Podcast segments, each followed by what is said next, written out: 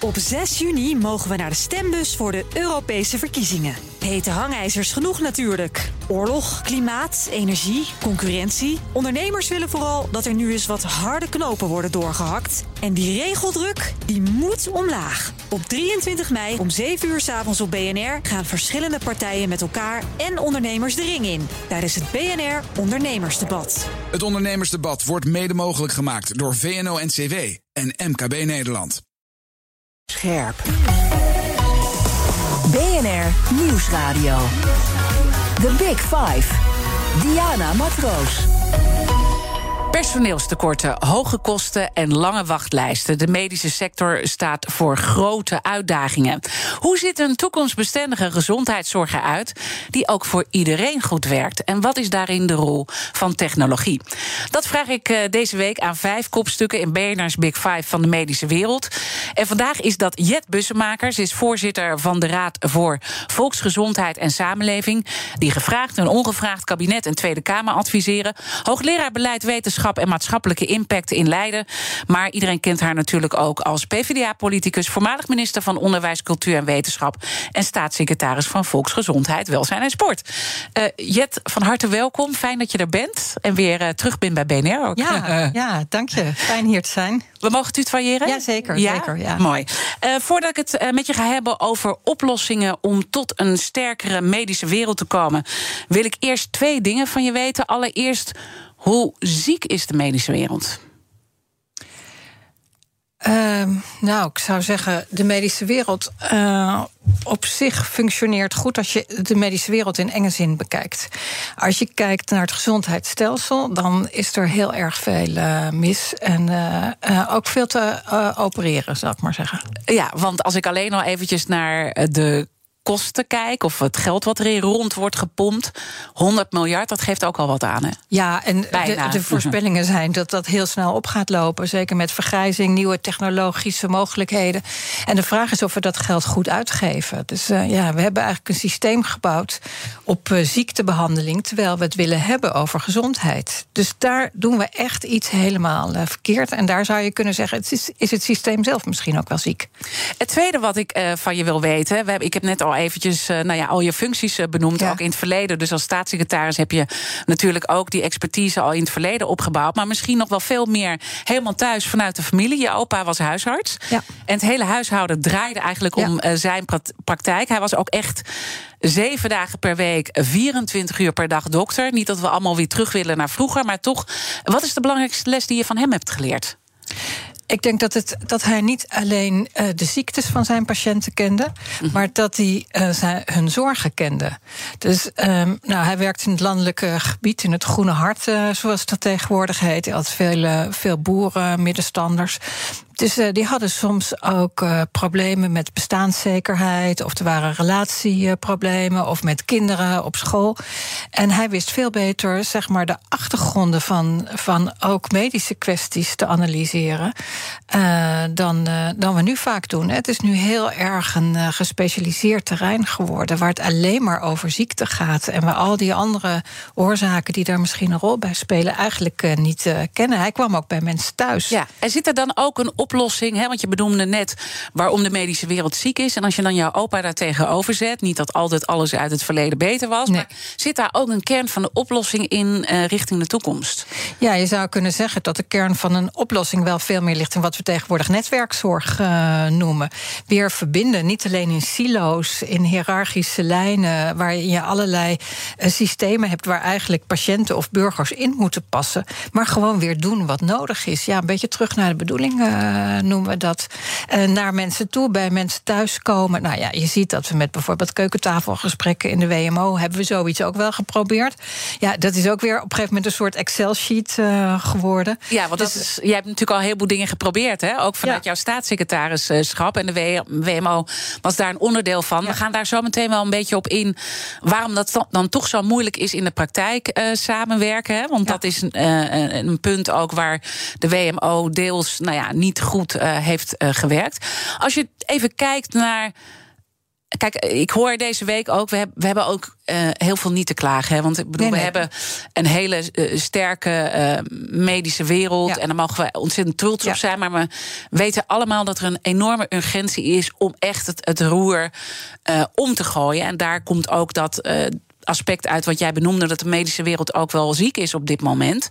Wat gaat nou de grote consequentie zijn als we niet ingrijpend gaan ingrijpen?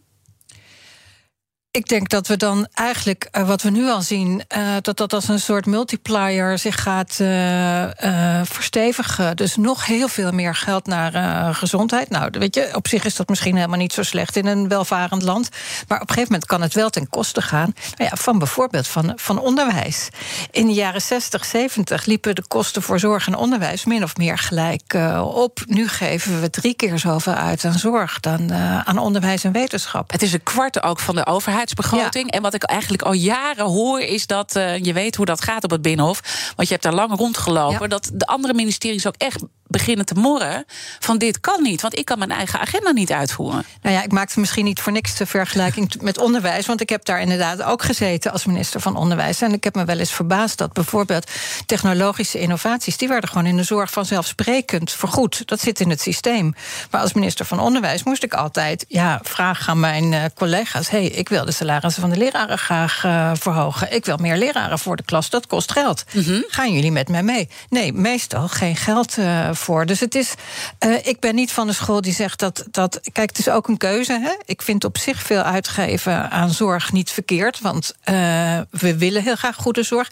Maar dan is wel de vraag: geven we het dan nu ook aan de goede dingen uh, ja. uit? En ik denk dat we eigenlijk te veel uitgeven aan specialistische ziektebehandelingen. Misschien ja. ook wel heel veel aan het eind van het leven. Dat we heel weinig uitgeven aan preventie. We geven iets van 5000 euro per persoon per jaar uit aan ziekte en 20 euro per jaar per persoon aan preventie. Dus daar zit al een belangrijke oplossingsrichting. En laat ja. ik, uh, laten we samen een paar zaken gaan afpellen. Hè. We komen straks uh, in het tweede deel over samenwerking. Want daar gaat ja. ook een hoop uh, mis. En ondernemen in de wetenschap. En nou ja, al dat soort zaken die ook belangrijk zijn om een, een, een nieuw stelsel met elkaar neer te zetten. ik wil toch nog even noemen: de WRR heeft ook echt een aantal waarschuwingen gedaan. Ja. Jullie waarschuwen, maar de WRR ook. En die zeggen van uh, doorvergrijzing, verwachte stijging van het aantal chronisch zieken, verslechterde leefstijl, zullen de uitgaven verdrievoudigd worden over 40 jaar.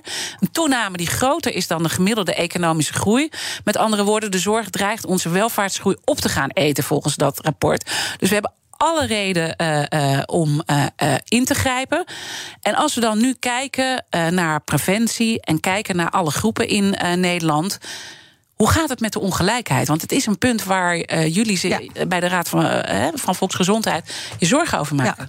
Ja. ja, dat is denk ik ook met de verwachtingen voor de toekomst en de zorg die daarbij zijn. Daarvan zou ik zeggen, een van de grootste gevaren is dat er ook een verdere tweedeling uh, dreigt. Samen met wat nog niet genoemd is, het personeelstekort in de zorg. Dat gaat er gewoon komen, linksom of rechtsom. Dus alleen daarom moeten we al de zorg anders organiseren. Mm -hmm. Maar dat levert ook met die stijgende kosten het gevaar op dat mensen die het kunnen betalen dat die uh, private zorg gaan uh, inkopen. Zeker als uh, we willen dat ouderen langer thuis blijven. Op zich in heel veel opzichten een goed streven. En dat de ongezondheidsverschillen misschien alleen maar gaan toenemen. En die zijn al enorm groot. Het maakt uit waar je vandaan komt, wat je inkomen is, waar je woont. Dan leef je vijf jaren minder, maar maar liefst 15 tot 17 jaar in minder goede gezondheid. Dat is nogal wat. Wat vind je eigenlijk het ergste? Dus het, het aantal jaar, hè, vijf tot zeven jaar uh, leef je korter. Uh, of die mindere kwaliteit? Ja, allebei. Maar als ik ze echt zou moeten kiezen, zou ik zeggen die mindere kwaliteit. Want dat is nogal wat 15 tot 17 jaar. Dat echt betekent lang, ja. dat als je met pensioen gaat dat de een die heeft nog een soort hele derde levensfase voor zich. Wat fantastisch is, hè, waar je kan reizen, waar je nog maatschappelijk actief kan zijn, waar je nieuwe hobby's kan uh, ontwikkelen. En de ander zit dan eigenlijk al in een situatie met heel veel klachten, uh, met een, een, ja, een slechte levenskwaliteit. En uh, we hebben een pensioen. Ja, we hebben al heel lange discussies ook uh, in Den Haag gehad. Hè, over zware beroepen niet iets eerder moeten stoppen. Nou, dat is dan weer super, super, super ingewikkeld om dat te regelen. Maar blijkbaar aanvaarden we wel dat mensen dus maar 15 tot 17 jaar een minder goede uh, kwaliteit van leven hebben. En wat is dat? Wat zit daaronder? Ehm, nou, er zit een, een complex van, uh, uh, van, van zaken onder. Dat is nooit alleen een gezondheidsprobleem. Dus mm -hmm. daarom wat we nu vaak doen met dat systeem, dat is gebouwd op ziekte, is mensen uh, dan proberen te helpen met pillen, met een uh, behandeling, met huisartsen die vaak ook gefrustreerd zijn. Want ja, die zien die patiënten steeds maar terugkomen en weten ook eigenlijk dat ze er niet altijd veel aan kunnen doen. Dus wij zeggen ook, we moeten dat begrip, ook dat begrip van preventie moeten we uh, verbreden. Het gaat ja. niet alleen om uh, natuurlijk minder uh, roken, minder drinken, gezond bewegen, gezond eten. is allemaal belangrijk. Maar als je bijvoorbeeld enorme bestaansonzekerheid hebt, dan heb je vaak heel veel stress. En stress is een enorme ziekmaker. Je ziet het bij de toeslagenkwestie. Alle mensen die met die toeslagenkwestie te maken hebben, die hebben echt jarenlang continue stress. Ja, en je ziet het uh, zelfs, heb ik begrepen, bij kinderen. Als je naar hun haar uh, kijkt en je gaat naar, het, uh, naar de stof in het haar kijken, dan dat, dat zelfs daar dat cortisol in ja. zit. En dat ja. ook echt je intelligentie daardoor achteruit gaat. Ja. Dus het heeft ook impact op al dat soort terreinen natuurlijk. Ja, dus, dus um, nou, nog maar een keer dat systeem van ziekte, maar sowieso de hele manier waarop we beleid in Nederland hebben opgebouwd. Hè. Uh, binnen de zorg, dus je hebt de ziekenzorgverzekeringswet en dan heb je de wet langdurige zorg en dan heb je de WMO. Heel moeilijk om die goed samen te laten werken. Uh, daarnaast heb je dat ook nog met ministeries. Zelfs, ja, ik ken de twee ministeries, VWS en OCW, echt heel goed van binnenuit. Maar om die samen op te laten trekken, is ook al een hele kunst. Bijvoorbeeld als je wil dat er meer gezonde basisscholen komen. Ja, misschien is dat wel een hele mooie brug ook naar de kettingvraag.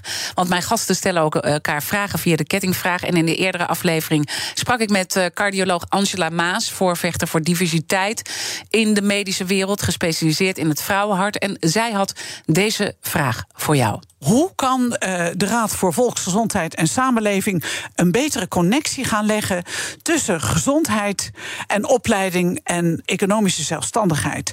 Dat is aan elkaar gekoppeld. Het gaat niet alleen over gezonde voeding. Het gaat niet alleen over wat er in de schappen van de winkels moet liggen. Het gaat over opleiding. Dat is ook betere gezondheid. Ik zie je heel instemmend knikken. Ja, helemaal eens. Um, we hebben uh, anderhalf jaar geleden, geloof ik, een uh, essay gemaakt voorbij sociaal-economische gezondheidsverschillen bij de Raad. En toen hebben we ook teruggekeken. Wat zijn nou in um, de ontwikkelingen, als je over een paar eeuwen kijkt, momenten geweest die game changers zijn geweest voor betere gezondheid? Mm -hmm. Nou, daar haalden we de aanleg van de riolering, de stadshygiëne zou je kunnen zeggen. De eerste volkshuisvestingswet, maar vooral na de oorlog de enorme stijging van onderwijs. Onderwijs als emancipatiemachine. En uh, als je je beter kan ontwikkelen en ook um, meer uh, je talenten kan gebruiken, dan word je een tevredener mens. Dus ook met een betere uh, gezondheid. En daarmee kan je ook weer makkelijker je eigen inkomen verdienen, wat leidt tot minder bestaansonzekerheid. The Big Five. Diana Matroos. Mijn gast is hoogleraar Jet Bussemaker. Ze is voorzitter van de Raad voor Volksgezondheid en Samenleving, oud-minister van Onderwijs en voormalig staatssecretaris van Volksgezondheid. En je hebt al een paar keer ook die parallellen tussen die twee uh, ministeries natuurlijk uh, benoemd en hoe moeilijk ze ook samenwerken. Daar gaan we in het tweede deel van ons gesprek over praten. Hoe dat nou kan, dat die samenwerking zo ontzettend lastig is ja. in de praktijk. En ook vooral uh, waar de oplossing ligt. Want je hebt ook nu meer afstand tot politiek Den Haag. Dus dat is een interessant punt. Uh, je geeft dus aan dat die opleiding uh, ook super belangrijk is. Ook om dus gezonde keuzes uiteindelijk uh, te maken. Is dat ook een, gevolg daarvan? Ook, ja, um, ja. Naarmate mensen um, meer. Um, meer tevredenheid, je meer tevreden bent over je, het leven dat je kan leiden, de keuzes die je kan maken. Ook de zekerheid dat er morgen weer een dag is die de moeite waard is om voor op te staan. Ja, hoe beter je welzijn. En dat is heel bepalend voor je gezondheid. Ik bedoel, natuurlijk, je hebt nog steeds medische kwesties die je kan overkomen. Maar die veel voorkomende, vaak moeilijk te benoemen vragen. of chronische ziekten die ontstaan, die hebben ontzettend veel met, uh, met de leefomgeving te maken. En ik vind wel dat we daarbij veel. Daarom was ik heel blij met eh, de vraag van Angela. Um, dat we vaak te, wijn, te veel nog in dat leefstijl, enge leefstijlperspectief uh, blijven uh, kijken. Waarin het gaat om roken, obesitas, et cetera. En veel te weinig naar dat bredere uh, kader. Waarin het gaat om bestaansonzekerheid. mensen die niet weten of ze morgen een baan hebben met flexibele contracten. Misschien diep in de schulden zitten.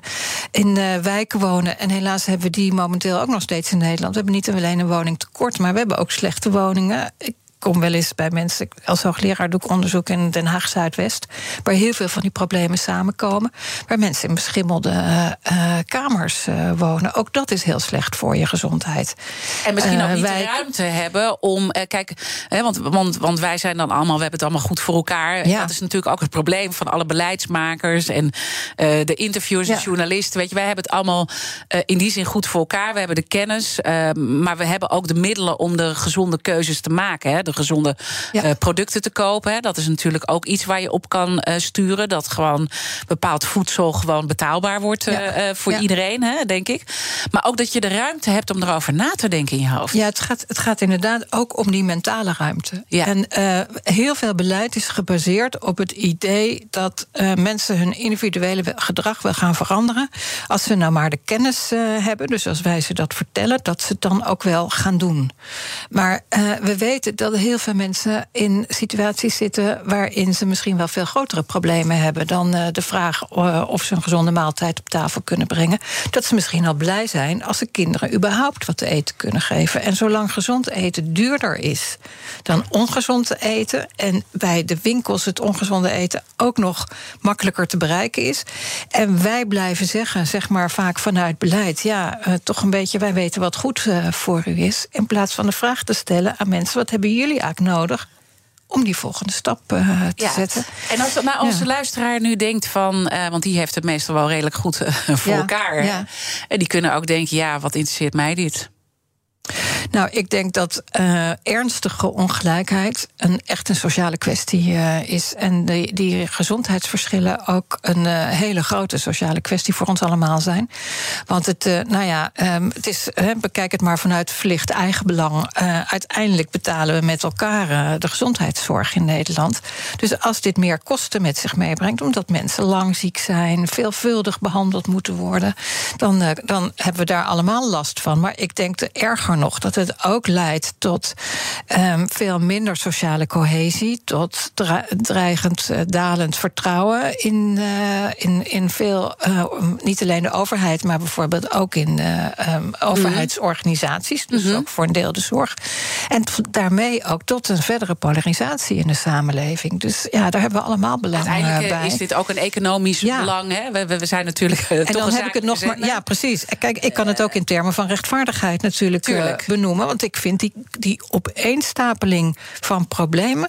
waar je niet zelf voor hebt gekozen. Kijk aan wat er met kinderen gebeurt. die al onder de vijf, vier jaar obese uh, zijn. Ja, dat hebben ze echt niet zelf gedaan. Ja, ja dat, om dat er weer af te krijgen, dat is heel, heel erg moeilijk. En zoals jij net zelf zegt, hè, komt ook juist die. als je al obese bent, kan dat je verdere ontwikkeling, ook mentaal, ook intelligentie, kan, kan dat beïnvloeden. Ja, uiteindelijk heb je ook een paar keer benoemd preventie. Hè? Dat is dan ook een belangrijk aspect, even los van ja. die leefomgeving. Nou, dan zou je wat meer op die anti-rookcampagnes kunnen inzetten. Je weet ook dat met name de kwetsbare groepen die roken ook meer. Hè? Dus ja. dat, daar zitten ook weer ja. vaak relaties. Maar ik heb dan weer begrepen dat preventie juist ook weer een averechts effect uh, uh, ja. kan hebben. Trouwens, niet alleen voor kwetsbare groepen, eigenlijk voor, voor, voor, iedereen, maar daar komen we zo wel op. Maar, maar, maar dat averechtse effect, hoe, waar zit hem dat in? Nou ja, omdat inderdaad veel van het beleid is gericht dat als we het nou maar goed vertellen en we leggen uit hoe slecht het is dat mensen hun gedrag dan gaan uh, veranderen. En met roken is dat natuurlijk ook wel gebeurd. Maar vooral aan de groepen die het al redelijk goed uh, hebben. Die het misschien ook minder. Uh, voor wie het misschien uiteindelijk ook makkelijker is om te stoppen met roken. omdat ze minder andere problemen hebben. Dus je ziet dat die verschillen eigenlijk daardoor eerder toenemen dan, dan afnemen. Uh, preventie uh, werkt ook meer in de breedte, zei ik net al. Dan kom ja. ik een beetje op een gast waarmee ik uh, de week afsluit. Dat is Armand Gerbes. Hij is de baas van de, de, IC in het UMC in Amsterdam. En volgens hem wordt de gezondheidszorg juist duurder door preventie. Omdat mensen ouder worden. En dat gaat weer samen met allerlei ziektes en ouderdomskwalen. Hij probeert ook na te denken, los van de IC. Hoe kunnen we, hij wordt ook wel gezien echt als een visionair als het gaat ja. om de medische wereld. Daar, daar daarmee geeft aan hoe complex het is. Je wil eigenlijk op de, aan de goede knoppen draaien, ja. preventie. En dat heeft vervolgens weer ja. een probleem aan de andere kant. Ja, voor mij is preventie ook vooral heel erg belangrijk om die gezondheidsverschillen uh, te bestrijden. En uh, vooral ook om chronische ziekten uh, die onder groepen met lage sociaal-economische status, zoals we dat noemen, met gewoon lagere inkomens, veel vaker terugzien. maar preventie in algemene zin betekent dat we langer leven. We weten nu ook dat het laatste jaar of de laatste jaren van het leven van mensen die steeds ouder worden, dat daar ook enorm veel uh, geld uh, naartoe gaat. En dat dat niet altijd de kwaliteit van leven uh, bevordert. Nou, wij hebben net als Raad voor Volksgezondheid en Samenleving ook gezegd: we hebben hele mooie en goede palliatieve zorg in Nederland. Maar dat doen we eigenlijk, passen we dat pas toe als mensen terminaal zijn. Hè? Als het mm -hmm. echt gewoon echt het einde heel snel nadert. Maar palliatieve zorg betekent eigenlijk meer dat je gericht bent op kwaliteit van leven en op wat mensen nog belangrijk vinden. En niet alleen op de curatie.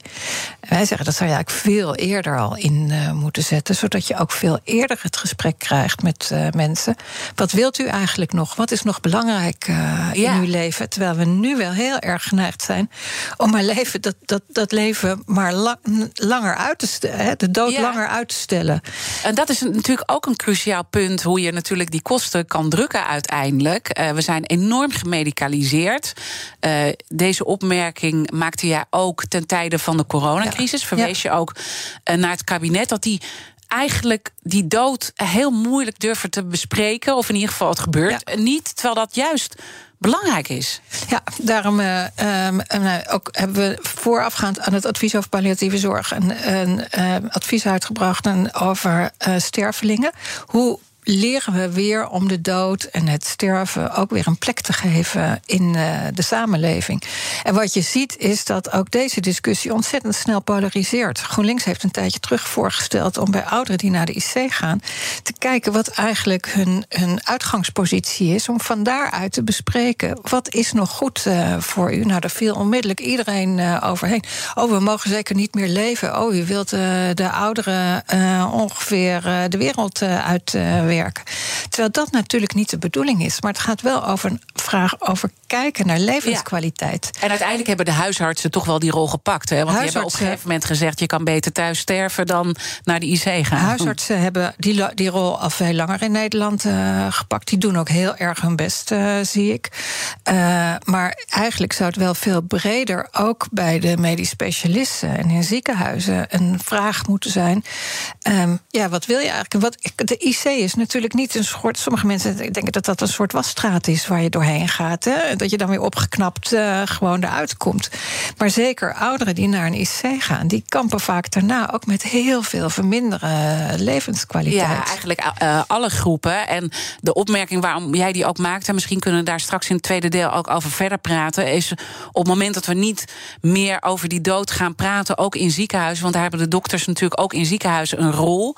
Daar komen we straks op. Dan wend je het uiteindelijk allemaal af op de nieuwe generatie. Want daar leg, leg je uiteindelijk het uh, probleem neer. Dat was ook een van jouw opmerkingen, ja. toch? Ja. ja.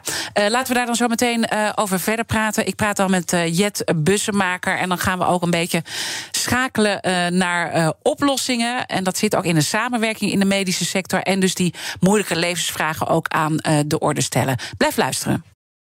Op 6 juni mogen we naar de stembus voor de Europese verkiezingen. Hete hangijzers genoeg natuurlijk. Oorlog, klimaat, energie, concurrentie. Ondernemers willen vooral dat er nu eens wat harde knopen worden doorgehakt. En die regeldruk, die moet omlaag. Op 23 mei om 7 uur s avonds op BNR gaan verschillende partijen met elkaar en ondernemers de ring in. Tijdens het BNR Ondernemersdebat. Het ondernemersdebat wordt mede mogelijk gemaakt door VNO-NCW en MKB Nederland. Blijf scherp. BNR Nieuwsradio. The Big Five. Diana Matroos. Welkom bij het tweede halfuur. Deze week praat ik met vijf kopstukken uit de medische wereld. Eerder deze week sprak ik met de topman van Philips, Frans van Houten. Uh, uiteraard hebben we ook de problemen met de slaapapneuapparaten benoemd. Maar het ging ook uh, vooral over het gesprek over de enorme transformatie die zij hebben ingezet als medisch technologieconcern. Dit gesprek is terug te luisteren via onze BNR-app. Mijn gast vandaag is Jet Bussemakers, is voorzitter van de Raad voor Volksgezondheid en Samenleving. Ze is hoogleraar en natuurlijk ook voormalig minister uh, van Onderwijs en voormalig staatssecretaris van Volksgezondheid. Komend half uur wil ik in ieder geval nog twee onderwerpen met je bespreken, namelijk op welke manier technologie de zorg kan verbeteren en hoe de samenwerking in de medische sector beter kan. En laten we met dat uh, laatste beginnen en ook nog even die verschillende rollen afpellen. Want we waren ja. uh, eigenlijk een beetje aangeland bij ook de rol van dokters als het gaat om nou ja, de dood, dood uh, beter bespreekbaar maken. En dat dat door de huisartsen wel heel erg gebeurt, maar in de ziekenhuizen nog uh, wat minder. Als je ook kijkt naar de andere aandachtspunten die jij voor de gezondheidszorg hebt geschetst, als het gaat ja. over die ongelijkheid, als het gaat over uh, preventie, moet de dokter zich ook op een nieuwe manier uitvinden. Want alleen al ja, een studie medicijnen heeft al een bepaalde naam en een bepaalde verwachting, wat we misschien helemaal niet meer moeten willen. Ja. ja, ik geef zelf ook les aan uh, studenten die uh, geneeskunde studeren. En nou, de thema's die wij hier bespreken, probeer ik dan ook met, uh, met hen te delen. En ook hoe ze samenwerken met anderen. Want artsen zijn natuurlijk hè, door een eet zijn erop gericht om mensen beter te maken. Om ook hoop te geven. Ze willen altijd nog weer, als het kan, ook nog weer iets proberen. En ze zijn vaak minder goed of minder getraind ook om nou ja, de andere oorzaken achter achter gezondheidsverschillen of achter ziekte te benaderen. Terwijl ik denk dat dat wel veel meer uh, zou moeten. Ja, dan geef ik ook wel gelijk mee dat huisartsen, sommigen die willen dat ook uh, heel graag. Uh, maar die hebben daar dan weer helemaal niet de tijd voor. Die zitten in een systeem waar ze maar 10 minuten per patiënt hebben. Dus ook dat moeten we anders regelen. Het is een beetje hetzelfde als in het onderwijs. Als je meer gelijke toegang en gelijke kansen wil creëren, dan moet je misschien ook af en toe wat ongelijke maatregelen nemen. Zoals? Nou, in, uh, in wijken met veel gezondheidsproblemen zijn er ook manieren voor huisartsen om meer tijd dan die 10 minuten te krijgen. Waardoor en bijvoorbeeld maatschappelijk werker, een wijkverpleegkundige ook op de praktijk uh, zitten, zodat die lijnen naar de sociale problematiek dat die veel sneller gelegd mm -hmm. uh, kunnen worden. We hebben initiatieven als bijvoorbeeld welzijn op recept, waarbij een huisarts, hè, als iemand um, die heeft misschien geen medisch probleem, maar een sociaal probleem, dat die kan doorverwijzen naar een welzijnsinstelling of een sportclub, of misschien ook een kunst- of cultuurorganisatie, om uh, daar de volgende stap te zetten. Nou, dat zijn allemaal manieren, het zijn kleine voorbeelden ja. van hoe die verbinding wel kan, maar dat begint met anders denken. Niet in termen van ziekte en zorg. Ja, en niet veel denken meer. vanuit de studie medicijnen. En niet denken vanuit de studie. Ja, ik denk wel geneeskunst moeten we misschien meer naar kijken. Ja. Met de nadruk op die kunst, want dat vraagt ook creativiteit. Dat vraagt ook uit je comfortzone uh, komen. Uh, en op een andere manier leren kijken naar je eigen werkelijkheid. Ja. Dat is wel echt wat nodig is. En misschien ook niet uh, je in die witte doktersjas zien als oncoloog, wat dan een bepaalde status ook met zich ja. meebrengt. Hè? dat merkte ik ook gisteren in het gesprek met Angela Maas. nou ja, die, die, die schetst dan ook een beetje de cultuur binnen de medische wereld. Zij pakt dan meer dat macho eruit. Maar het is ook wel een wereld waar ook status belangrijk is. En dat is op een bepaalde manier ingekleed wat daarbij hoort. Als je cardioloog of een oncoloog. Dan je ja, er zit natuurlijk ook een hele, hele eh, hiërarchie. Hè? De Ja. thoraxchirurg die staat geloof ik ergens bovenaan. Ze zeggen altijd, die staat het dichtst bij God. Eh, En eh, de kinderarts en de huisarts. Ja, eigenlijk zijn die misschien juist wel veel belangrijker... in die lijn van anders denken over zorg. Meer in termen van gezondheid, meer in termen van mens en maatschappij... Mhm. meer in termen van collectieve preventie. Dus dat begint ook met het doorbreken van, eh, van hiërarchieën. En hoe Eh, reageren die studenten? Daar ben ik benieuwd naar. Want dan zit je dat al vertellen. En, en dan, wat is dan de reactie aan de andere kant? Nou, vaak juist wel dat ze getroffen zijn. Dat ze eh, beseffen, hé, er is toch nog wel veel meer dan wat ik tot nu toe heb geleerd. Sterker nog, er kwamen studenten naar mij toe toen ik begon. En eh, die zeiden, ja, we weten straks eh, wel ehm, eh, alles over de transplantatietechnieken van de eilandjes van Langerhans. Want dat zit in het studieprogramma. Maar we weten eigenlijk niks over de relatie tussen bestaanszekerheid en, en ziekte. En multiproblematiek. Nou, dat is allemaal aan het veranderen. Hè. Die, die onderwijsprogramma's, die, die eh, Curriculum wordt- curriculum eh, wordt eh, aangepast. Maar het zegt wel iets over ja, dat, dat eh, de breedte van het denken. dat dat Echt nog wel moet. verbetert. Het moet echt anders. En Ja. dat, begint, dat begint inderdaad bij, bij opleidingen. Dan komen we denk ik nu ook op de andere spelers, namelijk de gemeente en Ja. de landelijke politiek, waar je natuurlijk zelf Ja. jaren hebt rondgelopen. En je benoemde ook een paar keer samenwerking. Samenwerking is eh, heel belangrijk, maar je schetste ook al tussen jouw ministerie en, en, en waar je staatssecretaris eh, was, hè, minister van Onderwijs en staatssecretaris van Volksgezondheid. Dus je hebt eh, beide ministeries gezien. Het is gewoon heel moeilijk. om samen te werken. Laten we, laten we eerst bij de gemeente beginnen. Waarom is het nou zo moeilijk om op gemeentelijk niveau beter met elkaar samen te werken? Ehm, nou, dat heeft wel veel te maken met eh, hoe gemeentes ook om zijn gegaan met de decentralisaties eh, in 2015. Maar ik heb het zelf ook gezien in 2007. Want toen ik staatssecretaris werd, was de WMO eh, nou, net drie weken ingevoerd. Ja. En wat je ziet is dat gemeenten eigenlijk, wij eigenlijk willen dat ze het op een hele andere manier gaan doen. Maar dan moeten ze heel goed weten hoe ze dat gaan doen. Dus er moet een wethouder zijn met heel veel visie, die ook echt in staat is om andere partijen daarbij te betrekken. En eh, die dat ook nog weet te vertalen in bijvoorbeeld nieuwe aanbestedingen. En wat je zag, gemeenten werden in 2015 geconfronteerd met een bezuiniging, met een, snelle eh, invoering en ook gebrekkige kennis.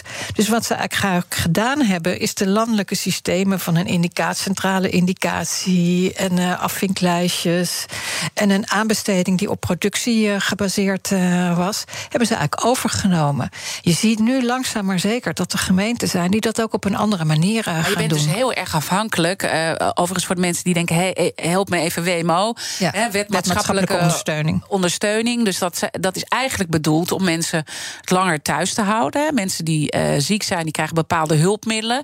De thuiszorg valt daar bijvoorbeeld ook onder. Ja, de, de wet maatschappelijke ondersteuning van oudsher waren dat echt, was dat echt gewoon welzijn. En daar kwam bijvoorbeeld de steun voor dak- en thuislozen, huiselijk geweld, hulpmiddelen, scootmobielen, et cetera bij. Ondertussen zit er ook een veel steeds groter deel van de zorg eh, thuis eh, zit, eh, zit erin. En dat is wel voor gemeenten, ja, grote gemeenten, die hebben ook nog veel ondersteuning. Maar kleine gemeenten hebben al heel veel moeite om dat goed te regelen. Ze hebben vaak ook, vind ik, een ongelukkige manier gekozen om die zorg in te kopen. Dat noemen ze dan open house. Nou zijn er gemeentes die hebben te maken met 150, 160 aanbieders in de jeugdhulp. ja, dus mooie initiatieven dat de zorg dichterbij zou komen.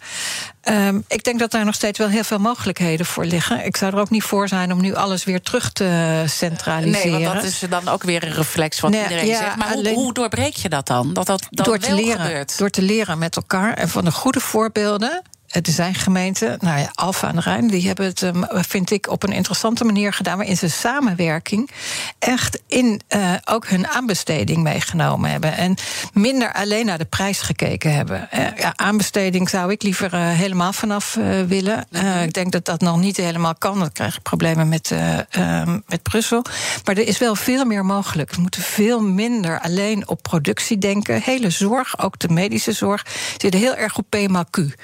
Eh, je krijgt eh, als, je, eh, als je levert. Ja. Maar misschien is het soms wel uh, belangrijker om minder te leveren of anders te leveren. Maar kan je met dan een voorbeeld uh, geven waaruit dat uh, blijkt? Want kijk, iedereen is dan natuurlijk heel bang. Dan loopt het helemaal uit de klauwen. Hè? Als je dus helemaal niet meer die, die financiële prikkel heel helder hebt aan de voorkant. Want dat, als ik je goed begrijp, ja, gaat het nou, daar een ik denk beetje juist, over? Ik denk juist dat het omgekeerd is. Oh ja? Want wat we nu zien is dat die prikkel, die, ja, die, die stimuleert eigenlijk om gewoon veel te behandelen. En dat is zowel voor, hè, voor uh, artsen in een ziekenhuis met uh, operaties die soms ook niet altijd nodig zijn, voorschrijven van medicijnen.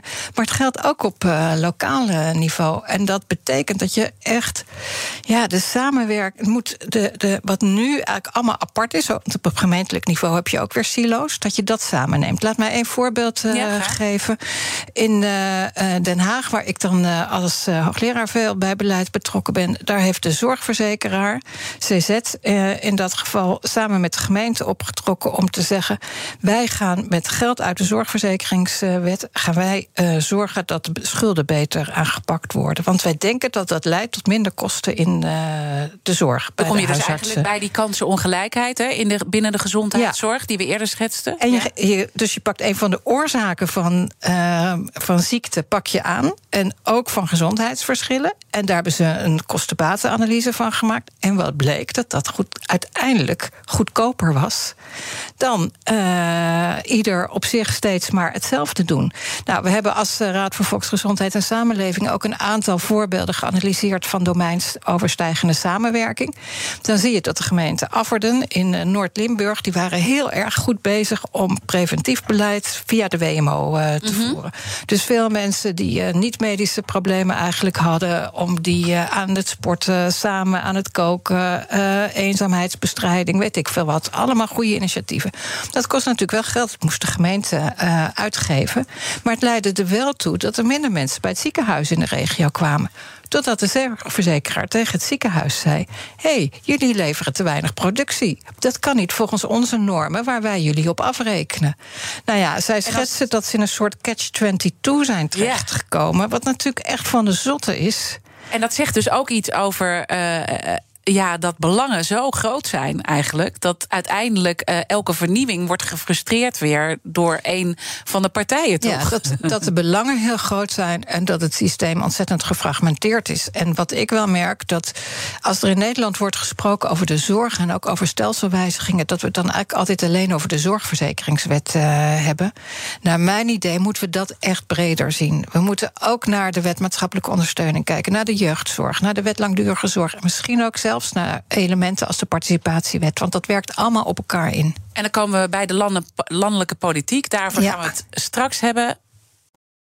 Op 6 juni mogen we naar de stembus voor de Europese verkiezingen. Hete hangijzers genoeg natuurlijk. Oorlog, klimaat, energie, concurrentie. Ondernemers willen vooral dat er nu eens wat harde knopen worden doorgehakt. En die regeldruk, die moet omlaag. Op 23 mei om 7 uur s avonds op BNR gaan verschillende partijen met elkaar en ondernemers de ring in. Tijdens het BNR Ondernemersdebat. Het Ondernemersdebat wordt mede mogelijk gemaakt door VNO-NCW en MKB Nederland. BNR Nieuwsradio. The Big Five. Diana Matroos. Je luistert naar BNR's Big Five van de medische wereld. Morgen praat ik met cardioloog en medisch ondernemer Igor Tulevski. Hij wil met zijn bedrijf en technologie de medische sector verbeteren. Mijn gast vandaag is Jet Bussemaker. Ze is voorzitter van de Raad voor Volksgezondheid en Samenleving, hoogleraar en oud-minister en voormalig staatssecretaris. Uh, we komen nu ook een beetje langzaam bij die uh, politiek natuurlijk uit. Hè. We ja. Een beetje van, van micro naar macro uh, trekken we het. Je hebt natuurlijk heel lang daar zelf rondgelopen. Uh, uh, op het Binnenhof. Uh, als je dan nu met wat meer afstand kijkt, wat is dan de rol van de politiek om tot die broodnodige vernieuwing in de zorg uit te komen? Ja, de rol van de politiek zou moeten zijn om daar kritisch vragen over te durven stellen. En uh, misschien ook pijnlijke uh, vragen te durven stellen. Die, want dit gaat natuurlijk ergens pijn doen als je kijkt naar wat er op ons afkomt. In plaats van, nou ja, eigenlijk met een soort angst voor, ja, voor kiezersverlies, maar helemaal niks aan de orde te stellen. Dus uh, durf, en dat zit bij een kabinet, dat zit ook bij de Kamer. Ik vind dat de Kamer bijvoorbeeld wel heel veel meer haar mogelijkheden zou kunnen gebruiken om, uh, om zelf initiatieven te nemen. Op welke manier dan? Nou, je kan uh, advies vragen aan adviesorganen zoals wij zijn, maar je kan daar ook conferenties over organiseren. Je kan verkenningen houden. Wat we nu zien is dat er wel gebruik wordt gemaakt soms hè, van het middel van een parlementaire onderzoek.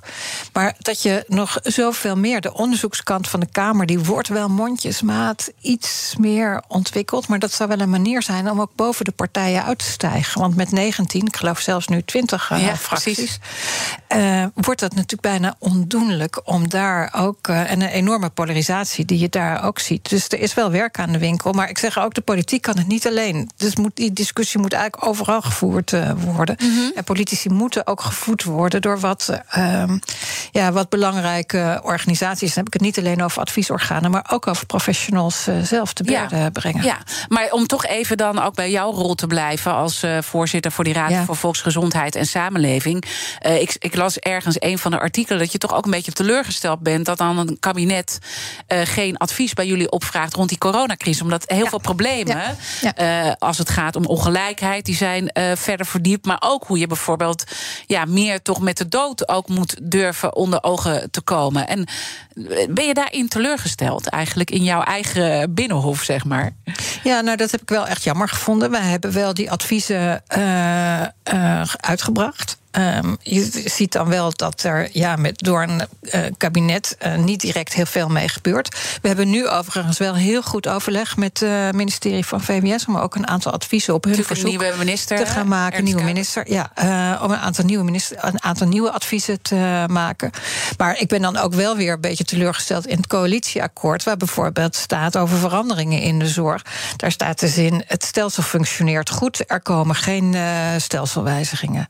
Terwijl ja, eigenlijk dat jij is, zegt, denk je moet ingrijpend veranderen. Ja, als wij deze discussie voeren. En ik snap wel een beetje wat ze ermee bedoelen. Het, gaat, het stelsel bedoelen zij dan, denk, denk ik, alleen de zorgverzekeringswet. Dat vind ik dus een veel te beperkte benadering. Want die problemen zitten in de samenwerking en de afstemming met andere domeinen uh, in uh, de zorg.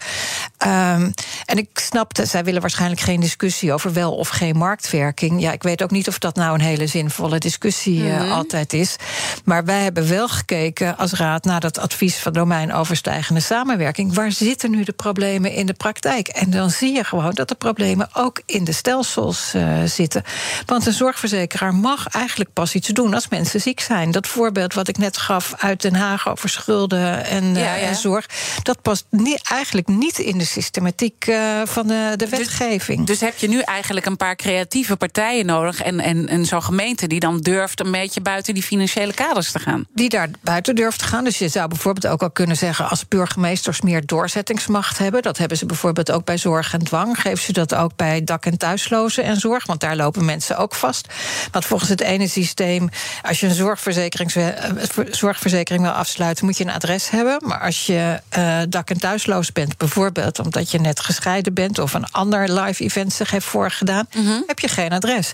Nou, daar is een burgemeester, die kan daar... Hè, of uh, een gemeente kan daar uh, doorzettingsmacht uh, tonen. Je kan grensbudgetten maken, waardoor je al wat makkelijker kan fluctueren. Maar dat zijn eigenlijk allemaal wel een soort noodoplossingen. En de uh, het denken over de zorg en vervolgens ook de financiering die daarop aangepast moet worden. Dat zijn echt wel fundamentele wijzigingen. Waarbij de financiering niet meer op PMAQ uh, gebaseerd moet zijn. Dus mm -hmm. op zoveel mogelijk leveren.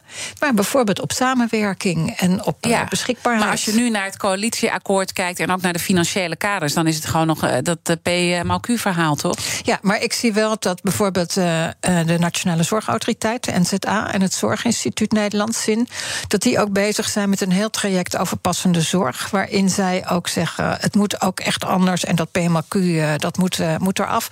Maar dat gaan mensen natuurlijk niet allemaal leuk vinden. Want, nee. Uh, ja, en dat betekent dat daar komt de politiek toch weer om de hoek kijken. Dat je dan ook wel moet durven om op een gegeven moment keuzes te maken.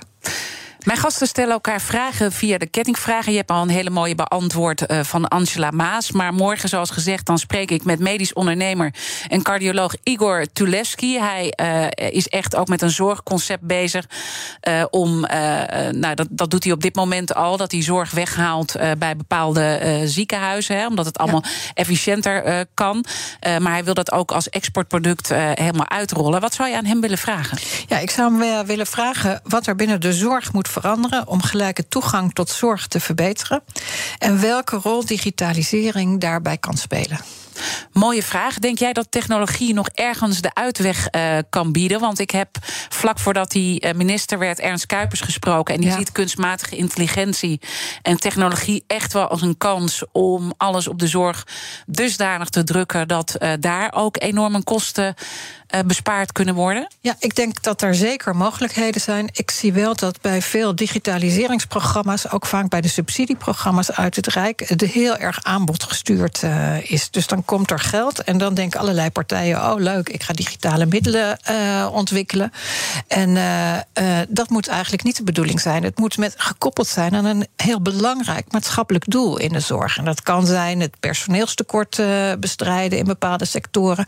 Dat kan zijn gezondheidsverschillen tegengaan. Dat kan zijn gericht op een bepaalde groep. Ik heb mooie voorbeelden uit de jeugdzorg, waar men samen met jongeren, maar ook met techneuten, maar ook vaak met kunstenaars aan het nadenken zijn hoe zij een app zo kunnen ontwikkelen dat jongeren daar makkelijker mee om kunnen gaan als ze bepaalde problemen hebben. Mm -hmm. Bij ouderen zie ik heel veel mooie voorbeelden met sensoren, hoe je kan zorgen dat thuiswonen aantrekkelijker wordt en veiliger uh, wordt.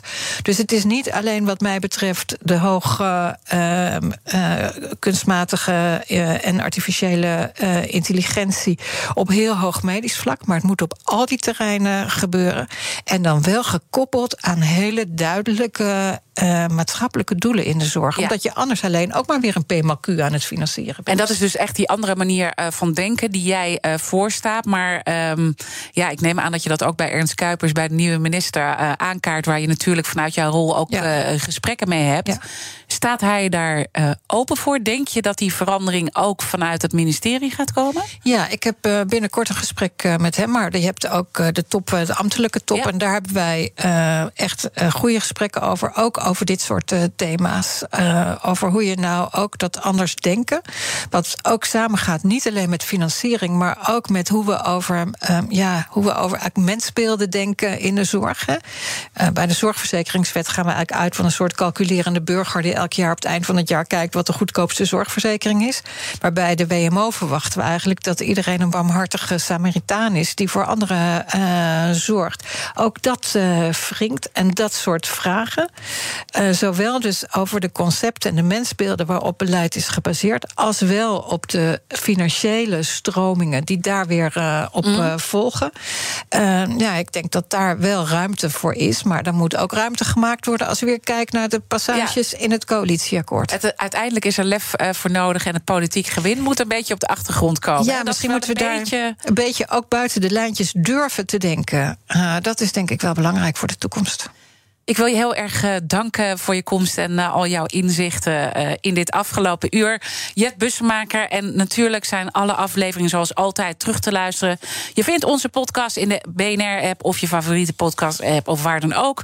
Je komt hem overal, kom je ons wel tegen. maar blijf vooral zo meteen live over dat carbonaatje bij BNR breekt. Ik wens je een mooie dag. Op 6 juni mogen we naar de stembus voor de Europese verkiezingen. Hete hangijzers genoeg natuurlijk. Oorlog, klimaat, energie, concurrentie. Ondernemers willen vooral dat er nu eens wat harde knopen worden doorgehakt. En die regeldruk, die moet omlaag. Op 23 mei om 7 uur s avonds op BNR gaan verschillende partijen met elkaar en ondernemers de ring in. Tijdens het BNR Ondernemersdebat. Het Ondernemersdebat wordt mede mogelijk gemaakt door VNO-NCW en MKB Nederland.